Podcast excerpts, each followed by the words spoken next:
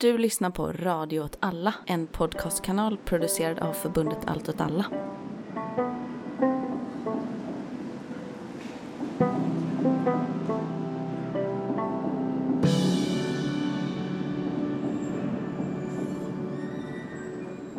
Hej och välkomna till Mina drömmars stad, eh, avsnitt 5.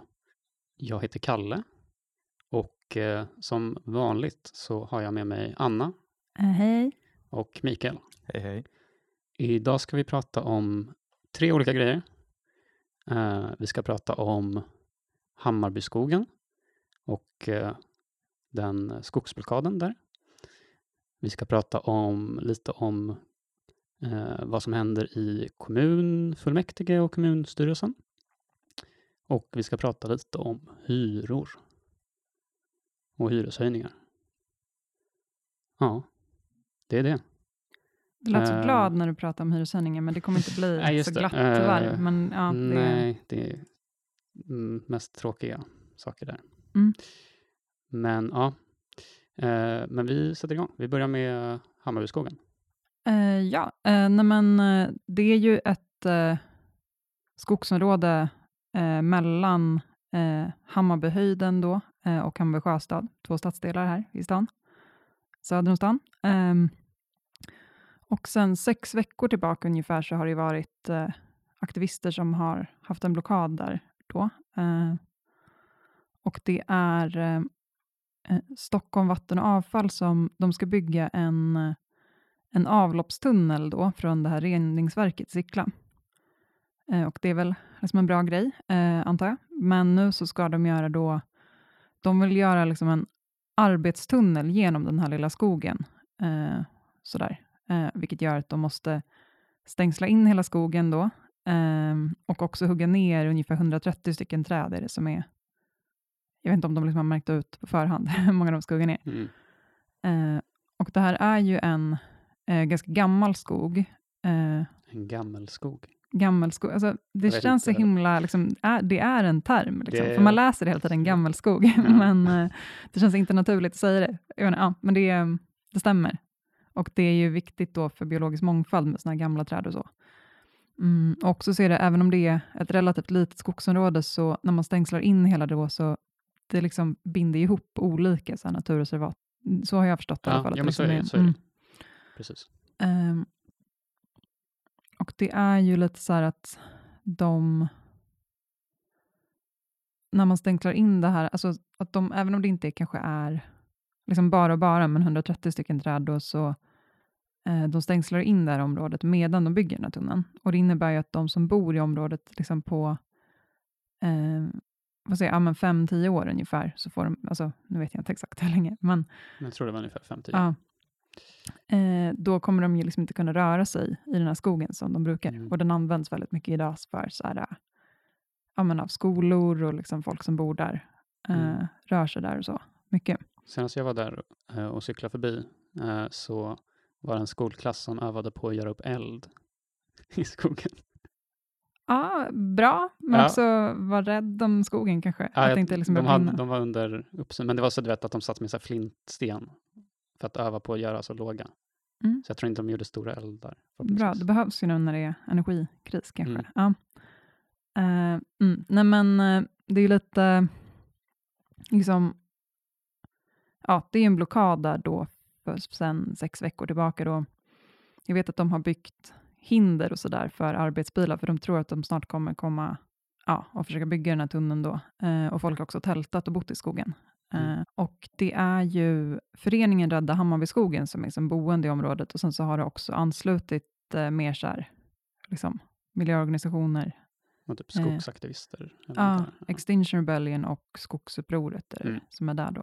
Ehm, mm, ja, nej men det som är lite så här intressant med den här frågan kanske är liksom att ja, men en skog, att det engagerar ju ändå många människor, att många vill ha kvar det här, eh, för Mm. att man känner att det är någonting viktigt eh, för en själv då i ens närområde där man bor.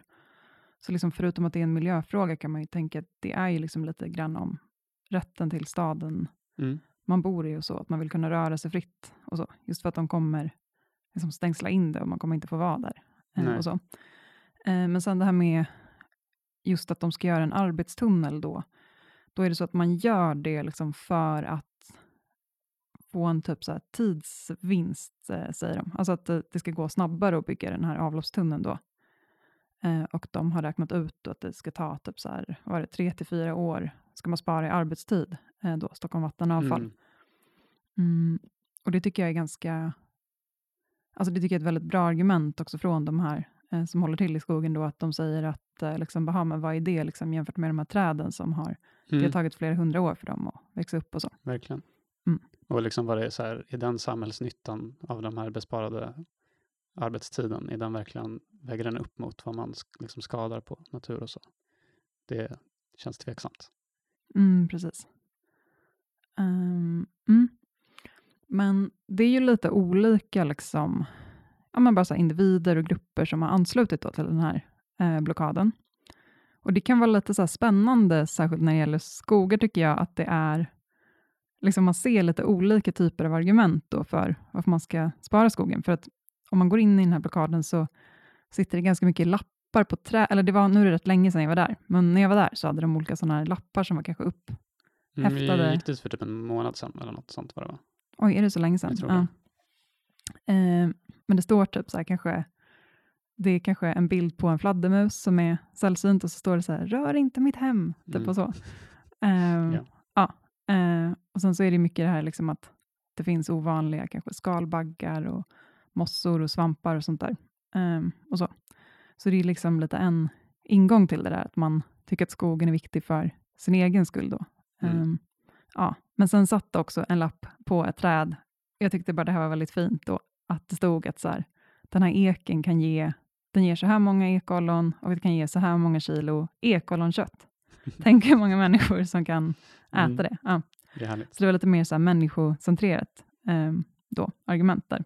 Um, vi ska ha matsuveränitet i Stockholms närområde med ekolonkött. Mm, med ekolonkött, ja. Uh, ja, mm. men det var väl typ det jag tänkte på lite grann också. Mm. Och att det liksom är lite olika strategier som syns också, för att det kommer liksom, ja, men en brokig skara människor. Liksom. Så mm. Det ena är ju att de, som jag förstått, alltså det är en typ av blockad, att man tältar där liksom, och mm. inte vill flytta sig. Och det var faktiskt så att de ville, mm, jag tror det var första oktober som det var att det skulle komma liksom de försökte vräka blockaden då. De skulle ha börjat, börjat med arbetet då av den här tunneln i oktober. De har lyckats stoppa det då. Eh, ja. För nu när vi spelar in det här är det ju november då. Mitten av november. Eh, så de har ändå lyckats hålla det eh, längre. Ehm, och så. Visst, mm. nu vet jag inte om du har läst på om det här, men det var någonting om att så här, alltså staden också vill försöka hitta någon alternativ lösning, men att, alltså politikerna, men, att stock, alltså, men av de, de som har planerat det här med vatten, vattenavfall, att de vill ju fortsätta med planerna. Typ, mm, ja, nej, det visste jag inte. Alltså, jag precis, det är företaget som vill gå vidare med det här. Ja, mm. Men politikerna säger kanske, ja, nu borde vi försöka hitta något alternativ, kanske. Men det är, jag vet inte hur. Det var bara något ja, jag mm. läste. Nej, men eller hur, det är liksom, äh, ja. Äh, men det är i alla fall en grej då, att de har verkligen blockerat och liksom gjort eh, hinder för de här arbetsbilarna och sådär. Eh, det verkar vara lite sådär, liksom, klätterträning, alltså ganska sån klassisk liksom, klimataktivism. Eh, mm. Men sen är det liksom andra folk, dels det att de har satt upp de här små lapparna på träden, eh, de gör liksom så här kanske konstinstallationer. Eh, sen en grej på Instagram såg jag att man kan adoptera ett träd och tolka det konstnärligt. typ. Ja. Um, Mm. Ja, det var lite ja, ett tips om någon, om någon vill göra det. Göra det. Mm. Um, ja, nej, men bara det här och liksom bara propsa på det här, liksom, tänk på ekollonköttet som vi kan få. Verkligen. Um, ja, men, bra men jag tänkte lite bara så här med, jag tror inte man pratar så mycket om det, men att det hade varit, alltså, om allt åt alla hade varit där, vi hade ju kört stenhårt på att de så här stängslar in en uh, allmänning. Mm. Mm. Då blir vi vansinniga, eller hur, Verkligen. Mikael? Ja. vi tycker inte om det. Eh, en skog som har varit allmän, allmänhetens, man har fått röra sig fritt eh, och så. Och de sätter ett stängsel runt det gemensamma. Så, eh, så ja. ja jag, så vänner av fladdermöss, ja. eh, vänner av mossor och svampar, eller bara att man är en kommunist som gillar allmänningar, eh, så tycker jag att man ska Skydda skogen. skydda, sko ja, skydda skogen. Eh, det är bara att tagga dit och Ja. vara med i blockaden. Och sen det här med adoption är ju liksom en omstridd fråga. Alltså om det är Tveksamt. rätt att ad- adoptera ett träd eller inte, Mm. det vet jag inte riktigt så, eh, om det är. Men eh, ja, Ja. Jag växte ju upp ganska nära eh, liksom Hammarbybacken och Hammarbyskogen. Eh, och något de inte har lyft är ju att den här skogen är liksom en väldigt populär eh, festplats för ungdomar. Eh, och det tycker jag också är en viktig grej. Att ungdomar ska ha nära till skogsdungar och bergstoppar där de kan sitta och dricka öl när de är för unga. tjuvröka. Tjuvröka. Eh, det är också Eh, viktigt. mm. Heter det Lejonberget? Jag Ja, det Lejonberget fint. heter det. ehm, Den precis, bergstoppen där. Mm. Det är fin utsikt över stan. Mm. Alltså egentligen hade jag tänkt så här, lyfta ett annat argument också som var det här med, alltså jag, jag hittade en rapport som hette typ så här, eh, I echo tree någonting. Vi kan klippa in sen vad den heter på riktigt för att jag har Mm, okej. inte Jag det kan... uppe. eh, Beep. Eh, Kalle från eh, klipprummet här. Den rapporten som Anna nu pratar om heter då iTree Sverige för strategiskt arbete med träds ekosystemtjänster av eh, Johan Östberg och Johanna Dik Sjöman. Där ser man. Okej, tillbaks till avsnittet. Beep. Ja, den är till för att kunna arbeta mer strategiskt med träds ekosystemtjänster. Eh, det stod typ så här. Stockholms eh, träd tar upp luftföroreningar som kan jämställas med 99 miljoner kronor i samhällsekonomiskt värde. Alltså, så man, man kan ju argumentera så också Mm, för de här 150 precis. träden. Och jag hade tänkt att jag skulle räkna ut exakt då hur mycket samhällsekonomiskt värde i ekosystemtjänster och hur mycket koldioxid det var. Men matte är tråkigt. Matte är tråkigt. Jag har inte heller tagit reda på vad ekolonkött är för någonting. Eh, men det blir, ja, du vet det här, eller? Ja, alltså det finns någon ganska spännande så här uh, matsuveränitetsrörelse. Jag är inte jätteinsatt, men som älskar ekollon och har någon teori om att man typ kan försörja ett land på ekollon. Alltså man kan göra typ mjöl på det tror jag. Och sen kan man ju liksom göra bröd och grejer och det ska vara ganska nyttigt och så vidare. Um, Är det gott? Alltså, ja, Det är säkert ja, nyttigt. Det, det, och ja, jag, jag vet inte. Jag har stött på någon, det finns någon sån grupp i Stockholm. Mm. Men, eh, men det var, om jag har förstått det rätt så har det funnits ganska många, alltså det finns presidens för det, att man kan ha liksom haft urbana samhällen som ändå är relativt självförsörjande genom ekollon, tror jag. Eh, så, så det är säkert bra eh, så, men, men eh, ja, ja, Mm. alla argument får man väl liksom nyttja. Mm. Men det, ehm, ja. Då lärde vi oss det om Ja. ekolonkött. Typ. Eh, ja, Det var det, men vi, vi hejar ju såklart. Eh, alltså, verkligen. jag har inte varit på auktionsträning ännu, men vi kommer ju, Ja. vi kommer ju vara med eh, när det gäller såklart. Mhm. Eh, ja, då vi rör oss vidare i rask takt eh, mot torr kommunpolitik. Från våta skogar till torr kommunpolitik. Mm.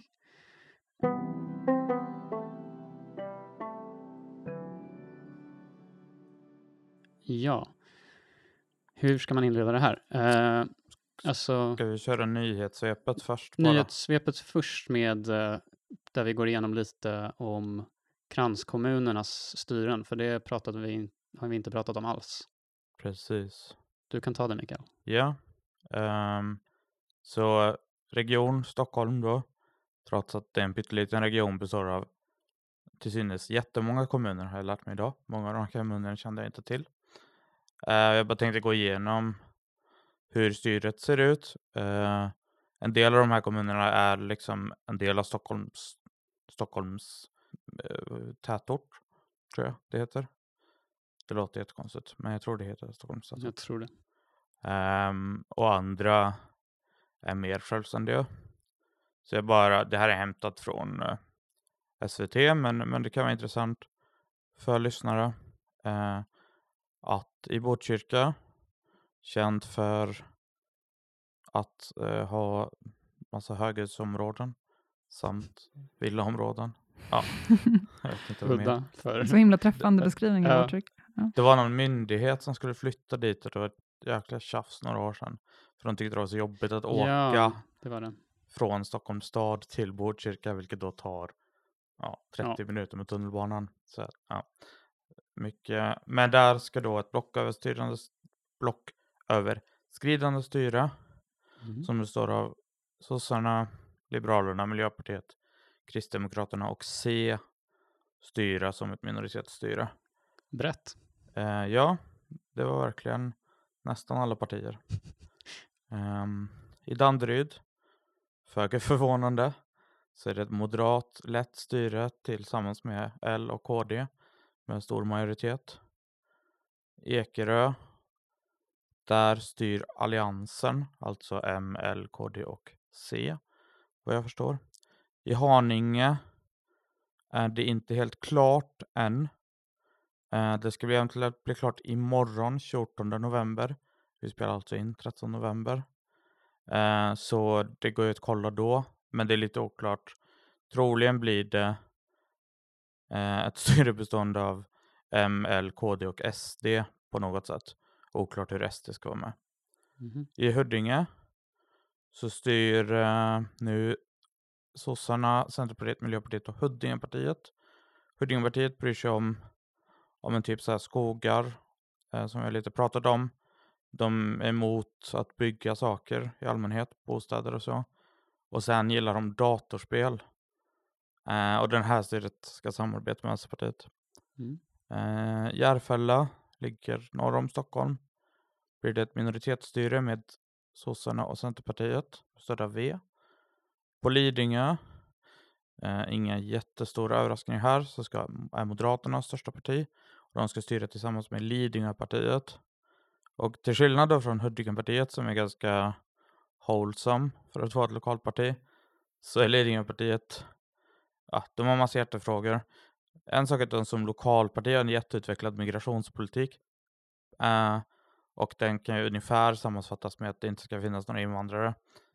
Eh, De är för att segregera sig själva. Ja, det, det vi kommer- kommer till det. De är emot att bygga hyresrätter. De är också emot att bygga tunnelbanan dit. Ehm, och de är i allmänhet emot att bygga bostäder. Eh, och det här styret kommer ske tillsammans med, med stöd från sossarna tydligen. Ja. Man- vilket kanske överraskar, men här, eh, eventuellt så kan vi klippa in ett styre där Moderaternas ja, kommunpartiledare där säger att de inte vill ha hyresrätter för de är emot att Lidingö, Lidingö ska inte vara en kommun för folk som bor i hyresrätt, tror jag han sa. Coolt. Eh, Nacka ligger Österut? sö- sydöst Sydöst? Ja. typ. Eh, eh, där styr M, C, KD, L och Miljöpartiet på något sätt. Eller det är något samarbete med Miljöpartiet Mm. om miljöpolitik på något sätt. Ja. Eh, Norrtälje ligger som namnet antyder norr om Stockholm. Det är liksom en egen stad norr om Stockholm. Där blir det M, L, KD och SD. Och ja, det är väl eh, inte jätte så här. Mer, mer spännande är väl att de höjde sin lön med 27 procent. Det var ju nationell stor nyhet. va? Eh, det, även där kanske vi kan ja. klippa in en talande tystnad. Eh, Jag behöver inte ens klippa in någonting. Jag bara gör ett så här glapp här på Ja. 30 sekunder eller För det var exakt så det lät. När de eh, skulle försöka försvara Nykvarn, en kommun jag inte visste att fanns och jag vet inte heller vart den är. Nykvarn, eh, det ligger nära Södertälje, tror jag. Okej. Där styr S, C, MP och Nykvarnspartiet. Och Nykvarnspartiets hjärtefråga var att Nykvarn skulle bli en egen kommun. Och det har det blivit. Eh, De älskar villor och pensionärer. Men annars inget anmärkningsvärt. Nynäshamn. Eh, känd för rasism. Eh, Just det. Det har eh, också varit i nyheterna på sistone. Precis. Så är det då M, KD, L, C och budgetöverenskommelse med SD. Så det är ganska likt. Det är Nynäshamn som Gudrun Schyman sitter nu också. Va? Ja, det kanske hon gör. Hon startade upp ett eget parti där. Just det. för Just att det. eh, det är någonting med klimat eh, som, som sitter i den eh, kommunfullmäktige där i Nynäshamn. Och, och, och det ligger typ jättelångt sydöst. Nästan så långt så att man inte borde räkna det till Stockholmsområdet. Nej, men det är Stockholm. Ja. Eh, sen i Salem, som då inte är känt för häxbränningar utan för nazism en gång i tiden, Ja.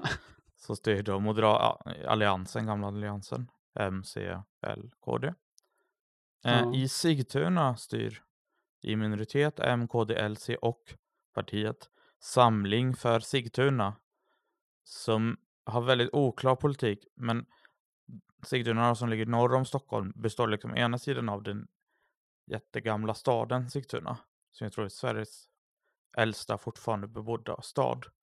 Mm. Liksom det är över tusen år gammal och så här jätteidyllisk och jätteborgerlig. Ehm, men majoriteten av invånarna bor i Märsta som är liksom bara en jättestor miljonprogramsområde. Just det. Ehm, men det här Sigtuna samling för Sigtuna då, de är mest för att Sigtuna stad, alltså den här lilla grejen, ska bestå. Mer var ett ord. Och sen att de eh, vill påpeka att de är Sveriges äldsta lokalparti. Så det har de. Eh, det här styret kommer få stöd av SD. Mm. Um, Sollentuna ligger lite norr om Stockholm. Där är det Alliansen som styr. I Solna, efter då 24 år av moderatlett styre, Damn. så tar S, V, MP och C över. Så Det är stort. Det, ja, det var rätt stort ändå tror jag. Eh, Och Solna, det, det är en del av själva staden Stockholm och ligger lite söd, norr om stan. Mm. Eh, och kallar sig själv också en stad, vilket är rätt komiskt. Ja. Eh, snart, snart klara.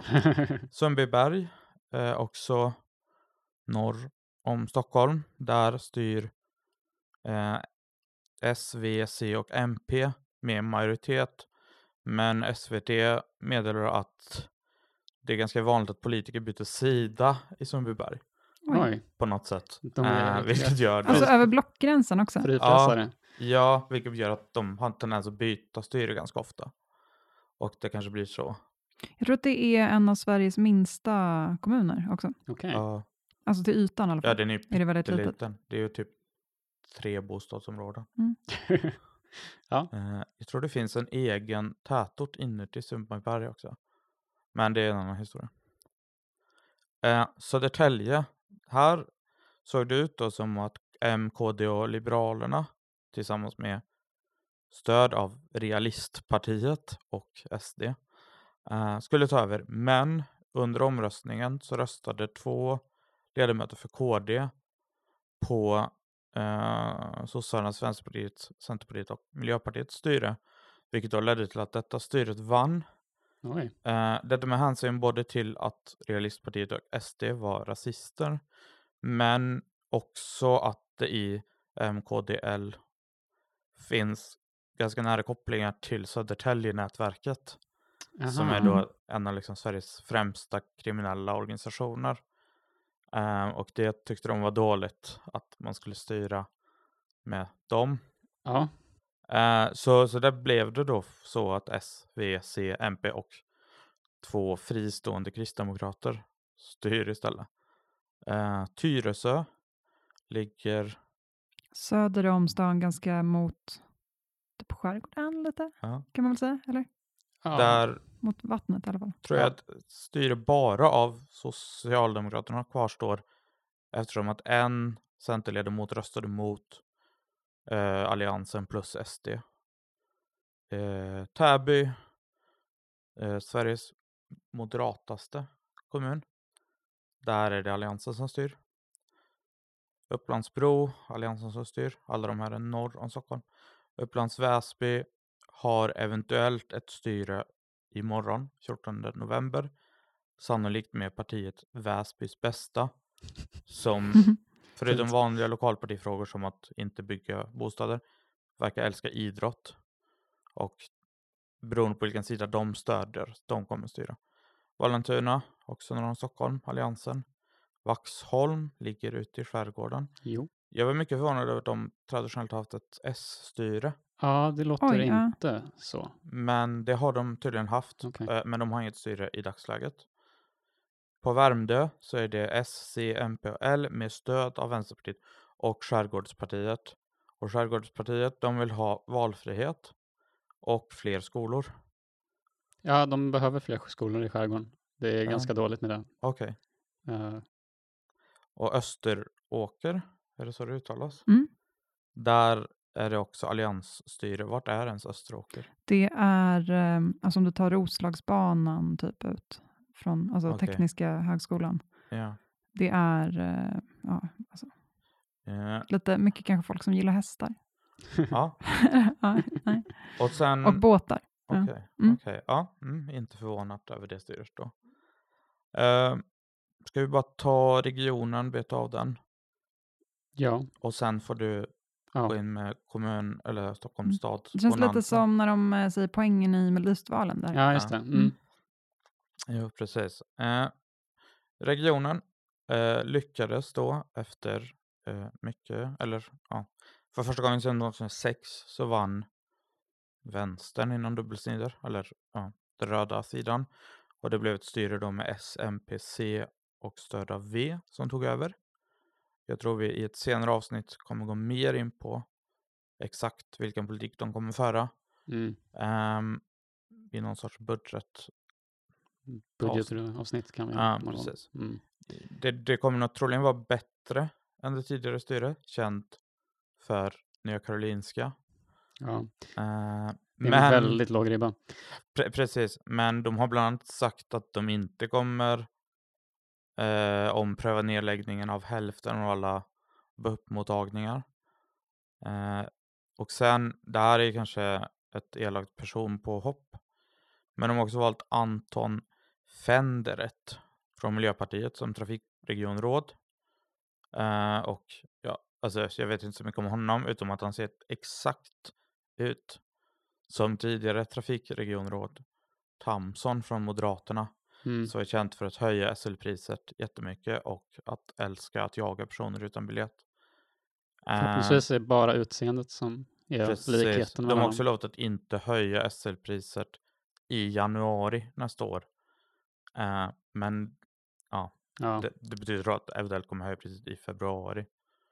De har eh, också gått ut med det här att de ska eh, permanenta de här eh, sommarlovskorten Just det. eh, som infördes tillfälligt förra sommaren. Ja, så det, det kommer nog vara bättre än tidigare. Men, Ja. men det är liksom inte så svårt. Men nu kommer vi till Stockholm stad. Oj, med Kalle. Tack för den överlämningen. Eh, ja.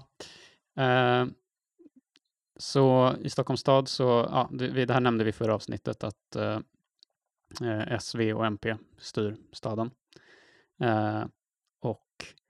Vi har ju fortfarande ingen eh, budget för staden. Den kommer komma senare den här veckan tror jag.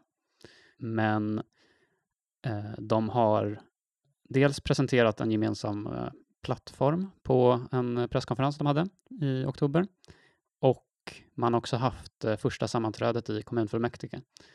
Eh, så ja, jag ska väl prata lite om vad de bara har sagt att liksom, de har lovat att polit- den politiska inriktningen ska vara. Eh, jag ska prata lite om hur de har delat upp ansvaret mellan sig. Och eh, så kanske vi kan, man kan gissa lite på så, vad, vad, hur budgeten kommer att se ut kanske. Eh, också baserat lite på hur regeringens budget ser ut med olika stöd till kommunala verksamheter och så. Eh, ja, men så på den här presskonferensen eh, så betonade då de att eh, Stockholm ska stå emot liksom, den högerpopulism som re- regeringsstyret innebär.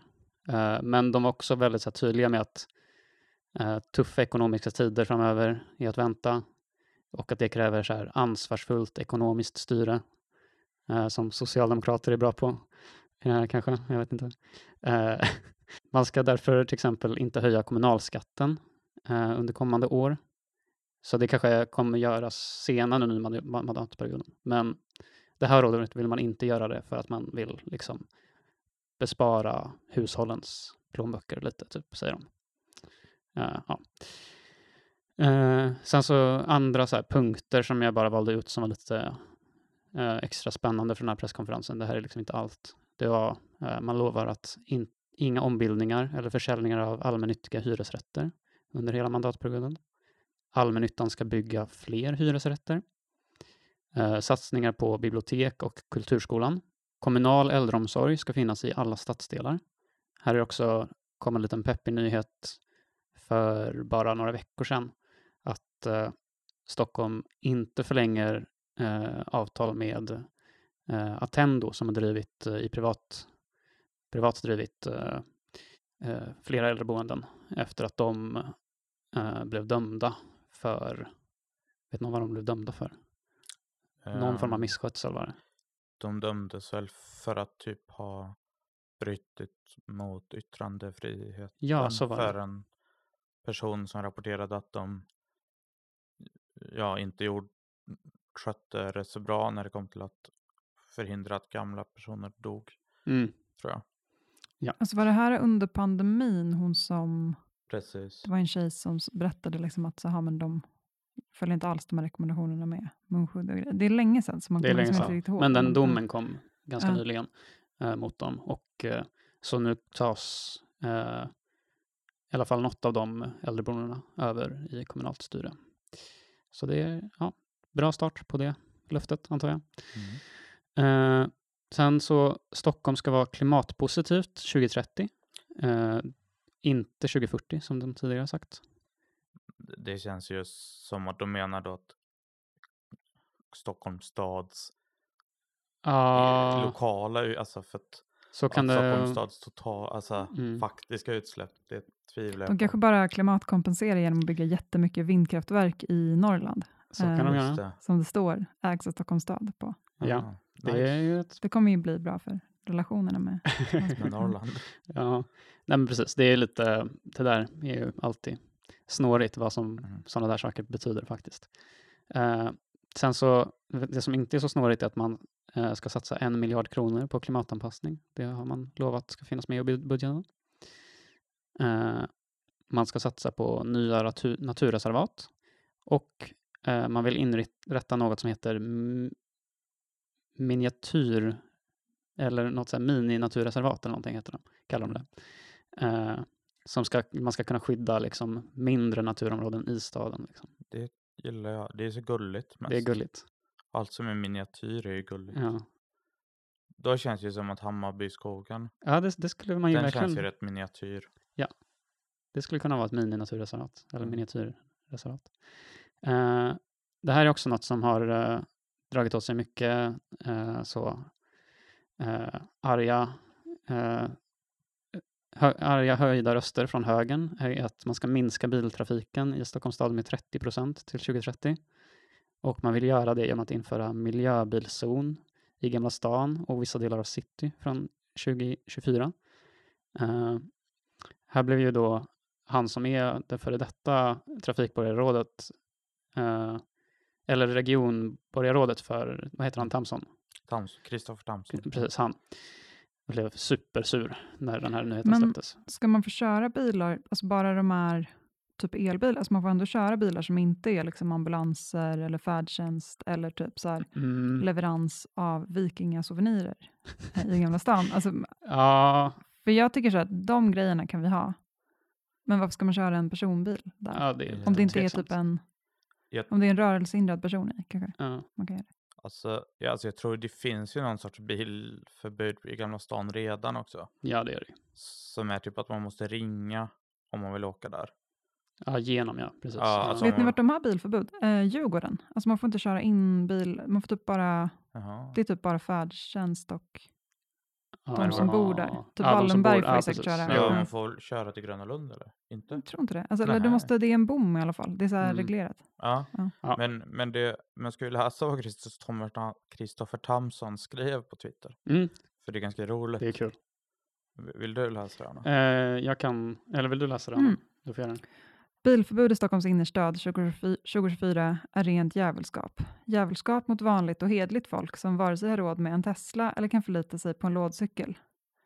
Ja. Ehm, Alltså han är ju väldigt Det sur var- för att han bor ju typ i Gamla stan. Eh, Mm. Och han kan inte köra Och han kan sin inte köra sin stora, Humvee. eller precis vad sin stora ja. SUV eller vad fan han har. Tråkigt för honom. Eh, Det, det, ja, alltså. Det är liksom en jävelskapen mot vanligt och hederligt folk som jag har tagit upp tidigare började med, eh, vad heter det, eh, tullarna, vad heter det, det heter något, ja, trängselskatt. trängselskatten. Det här är ju inte mot vanligt hederligt folk, för vanligt hederligt folk bor ju inte innan i de här delarna av staden. Alltså det är ju bara folk som är jätterika Ja, ja. som bor där. Och att de får det jobbigare att åka sin bil, det är väl bara bra. Mm. Alltså, det, ja, det, är- det är fin- nog... mm, Ja, alltså, ja, det finns ju en del som bor innanför tullarna som typ pensionärer och sånt. Jo. Som har, Men, Men de kör ju inte bil kanske så mycket istället. alltså om de gör det så tycker jag de ska sluta med Ja, det. De får eh, Ja. ja. motionera lite. Men, men det blir jätteintressant att se hur man gör det här bilförbudet. Det blir spännande. Eh, Men vi ska men- inte uppehålla, uppehålla Nej. oss för länge vid det här. Det, det här är bara spekulationer hittills.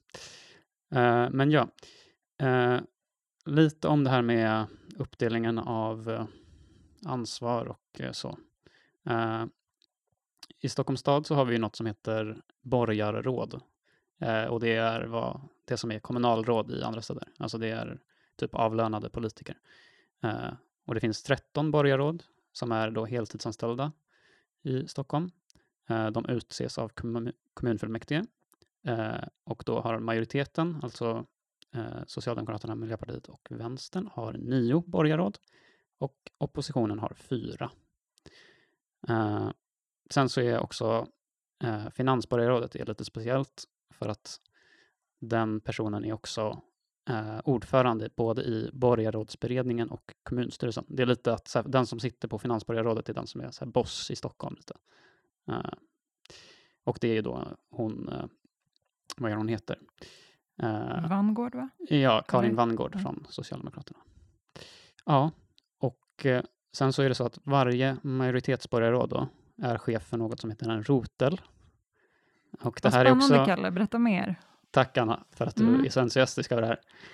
Men eh, ja, jag ska inte uttråka alla till döds eller försöka få er att somna. Men eh, rotlar finns inte i resten av Sverige så att, och jag tror många kanske inte riktigt vet vad det är.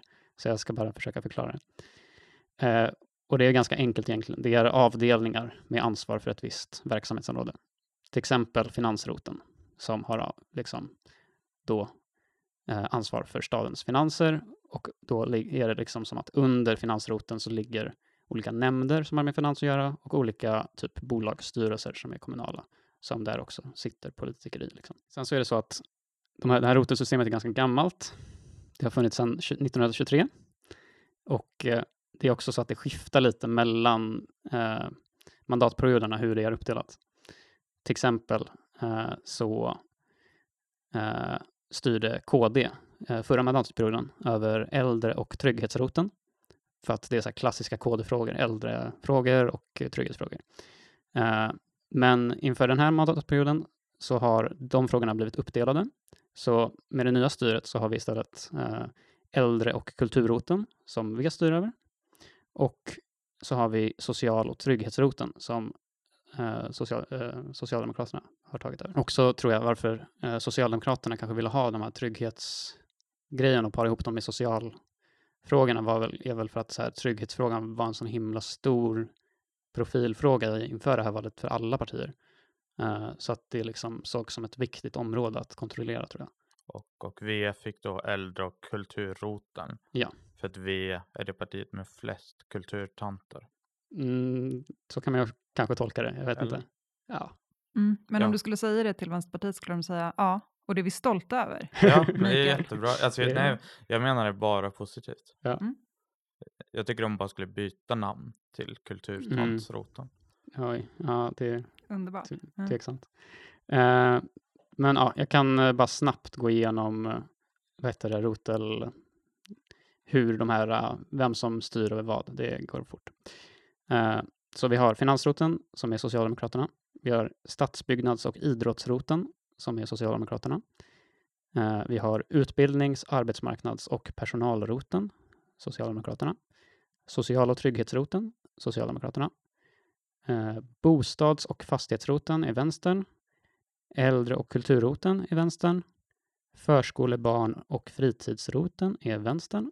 Och så har vi trafikroten och miljö och klimatroten som är Miljöpartiets. Eh, och sen så de här fyra oppositionsborgarråden som finns. Eh, det är ju då, de har ju inga, det är bara att de liksom blir eh, partikanslier för eh, de, den oppositionen. De har liksom inga, det är ingen speciell post, förutom att det är, de får en avlönad oppositionspolitiker, typ. Eh, så. Eh, och det var väl typ det som var intressant från den kommunfullmäktige som var i oktober. Det var ganska mycket bara så här formalia. De röstade in alla på så ansvarsposter som vi skulle uh, tillsättas. Eh, men SD ställde till med lite bråk och för att de var jättesura över att eh, de inte fick ett av de här oppositionsborgarråden. Eh, så de fick inte en så avlönad politiker av staden. och det tyckte de var orättvist för att de var ju faktiskt större än Liberalerna. Eh, men Liberalerna fick den platsen istället för att alla röstade ner SD. Eh, och eh, ja, egentligen så är, här, är det här inte konstigt alls, för att det är ju den gemensamma oppositionen som alltså är en opposition som samarbetar utan SD.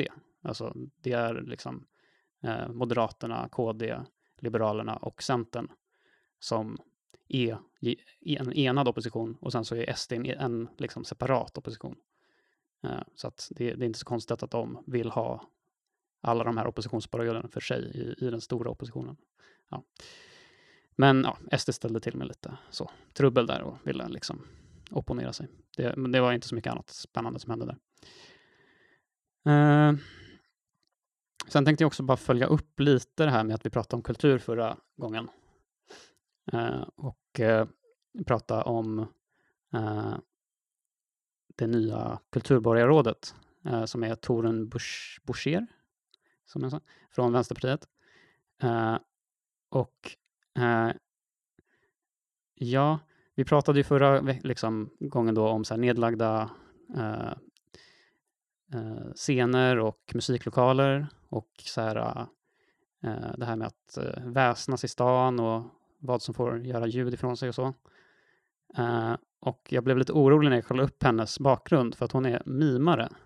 Och då tänkte jag, oj, hon kommer ju också vilja hålla på med så tyst kulturpolitik. Eh, så att, men uh, sen så gick hon faktiskt ut och rättade det här i en intervju i DN. Och då säger hon så här, det är lite tufft.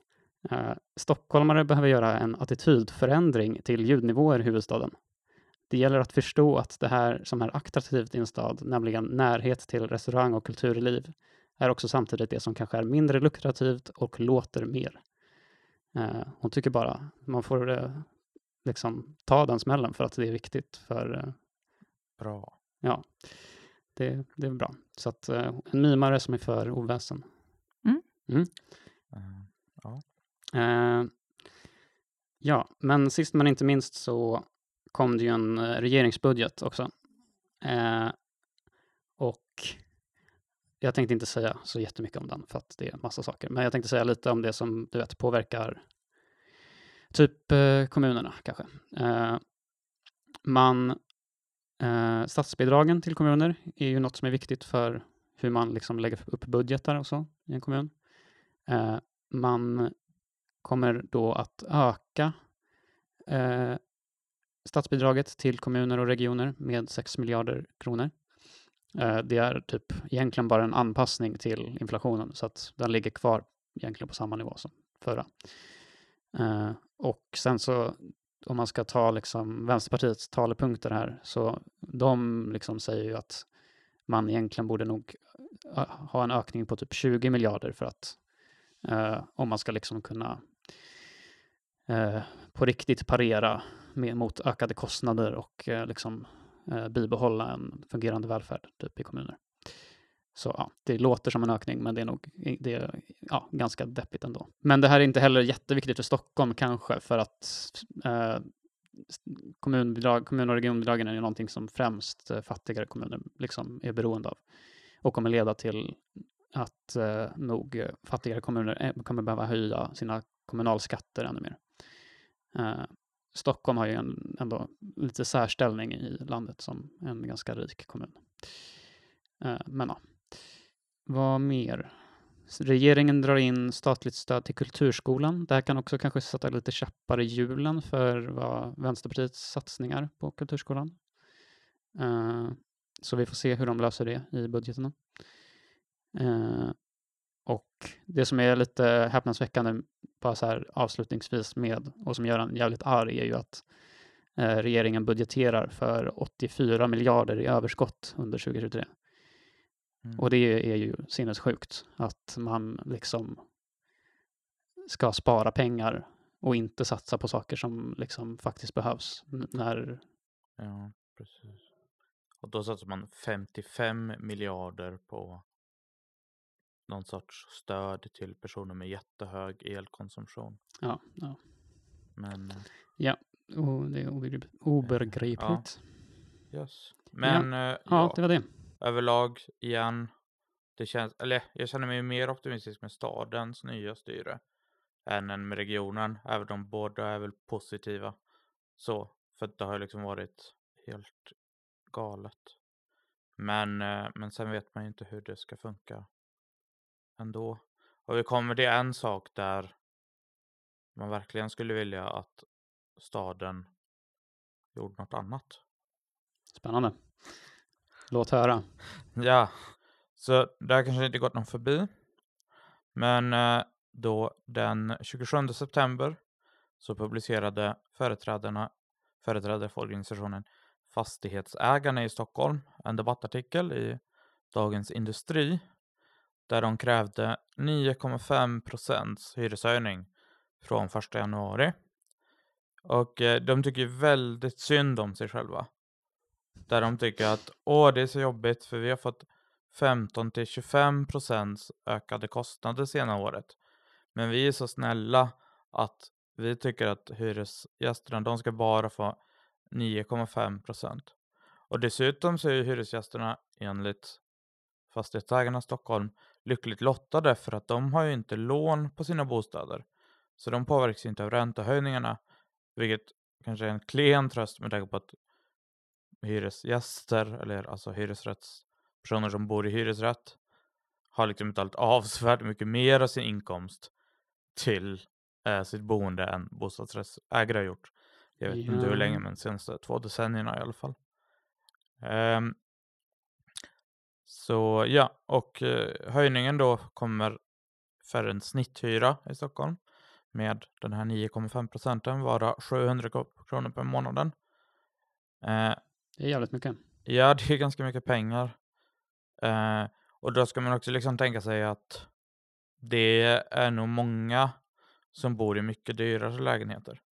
Och då kommer det bli liksom över, över tusen kronor liksom för, för en barnfamilj. Och det här sker ju samtidigt som att allt annat har blivit mycket dyrare. Så det är inte bara så att liksom maten, elen, bränslet, eh, ja, jag vet inte Ja. vad mer. Eh, kläderna. Allt det har blivit mycket dyrare. Men det ska även bostaden då. Eh, men, men det är ju mest synd då såklart om fastighetsägarna. Tydligen. Eh, för de Tydligen. måste stå för det här. Eh, och Hyresgästföreningen i Stockholm. Eh, de säger att de inte kommer gå med på det. Och det är ju positivt. Helt enkelt för att väldigt många hyresgäster kommer inte ha råd med en sån hyreshöjning. Och kommer behöva flytta. Ehm, vilket ja, inte är så snällt. Eh, och de påpekar också att eh, fastighetsägarna har de senare åren höjt hyran, fått hyran höjd varje år. Eh, utan att egentligen kostnaden, eller deras kostnader har ökat nämnvärt.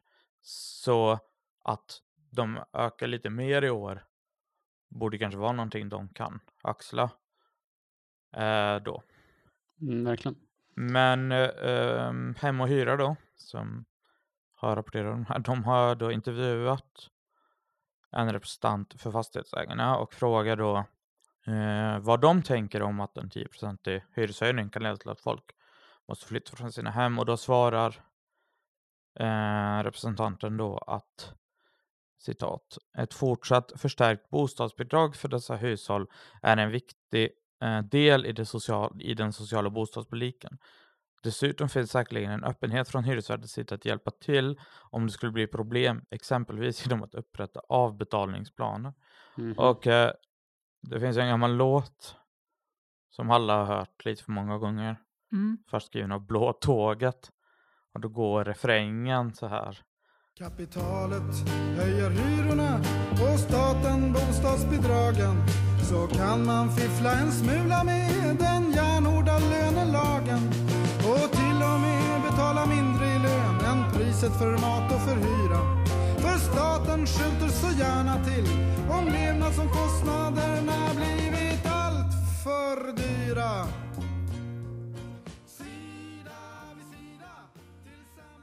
Men realiteten är ju att det vore ju eh, nästan utopiskt idag att eh, staten skulle höja bostadsbidragen i proportion till det här. Ja, För det kommer ju inte hända, Nej. särskilt inte med nuvarande regering. Så, så det som en gång var liksom ett, ett tecken på, på ett vidrigt samhälle eh, framstår ju nu, ja, man, man kan ju bara drömma om att få sitt bostadsbidrag höjt med 10 procent. Ja. Ehm, eh, och sen det här med avbetalningsplaner. Ja, alltså ni låter ju hur sjukt. Det, det är ju som Ja. att man ska ta ett lån till sin hyresrätt. Fast Fett. du inte har den här, i alla fall i teorin så är det så när man har en bostadsrätt att du har tagit ett lån. Men då har du i alla fall i teorin någon sorts chans att sälja den dyrare och göra en vinst. Men här ska du ta ett lån för att bo kvar i din bostad istället för att hamna på gatan. Och vinsten du får är ja, att du måste betala mer sen. Eh, så, så tack så mycket för det. Eh, men eh, tillbaks då till eh, Stockholms stad. Så är det så att exakt en månad efter eh, fastighetsägarna i Stockholm så gick eh, då Stockholmshem, Familjebostäder och Svenska Bostäder. Det är de tre allmännyttiga bostadsbolagen i Stockholm. Ut med att de vill ha 9 hyreshöjning.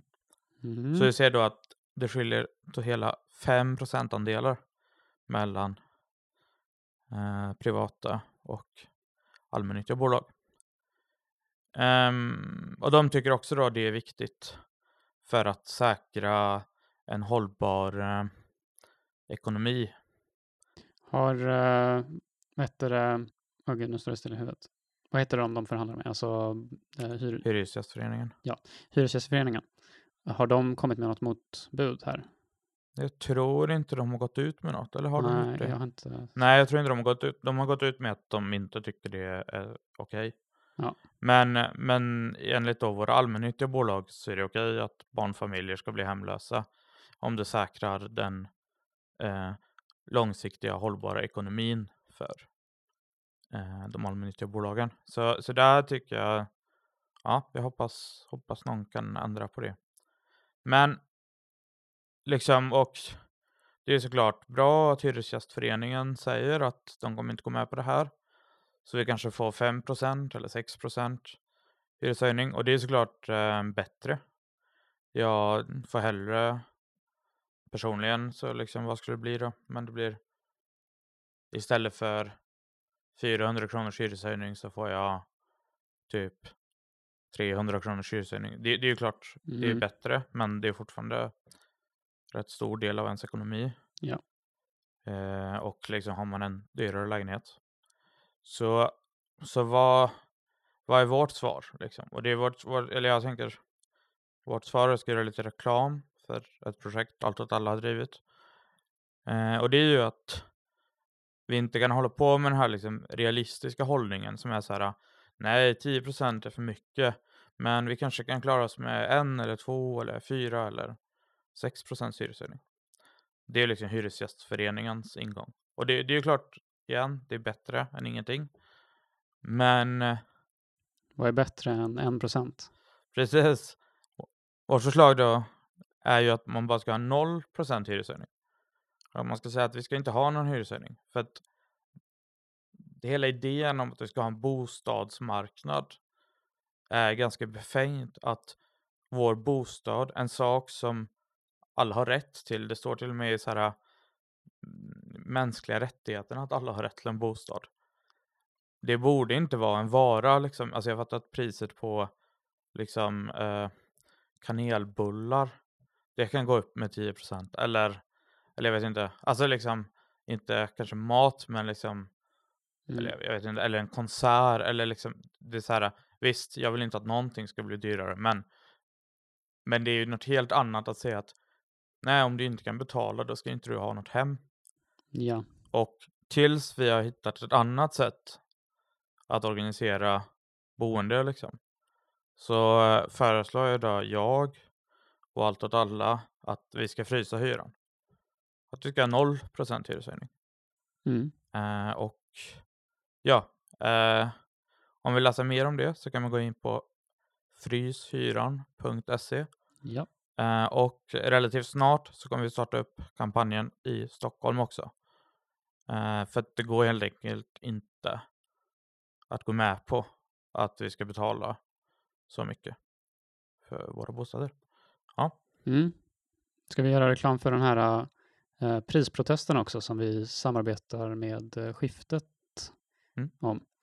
Eh, det är då den 10 december eh, som det kommer ske demonstrationer runt om i landet mot just de ökade levnadskostnaderna.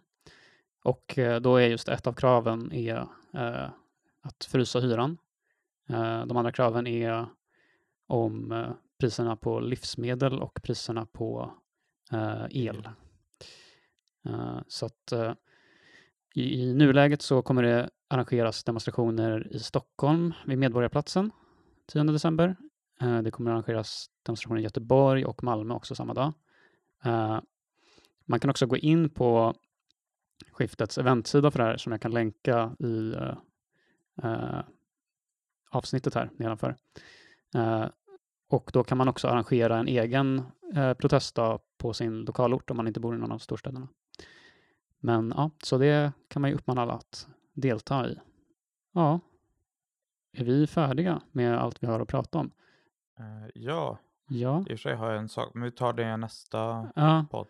jag tror att eh, eh, jag kommer eh, sitta och läsa kommunbudgeten när den kommer. Det Ja, är min grej framöver. Ja, jag, jag kan försöka läsa regionens Ja, om, om det är. Och Anna, du får... du Jag får vet ta inte det vad jag lugnt. kommer... Jag kan ta det lugnt kanske. Ja, Ja. ja, så kan vi göra. Jag kan komma med en berättelse från verkligheten eh, som liksom inte är i... Som kommer en inte-. Nej, Bra. det låter bra. som- Förankra oss, hålla oss kan kvar göra på en jorden. eh, utflykt någonstans i staden och berätta Mm, om något. det låter Ja. kul.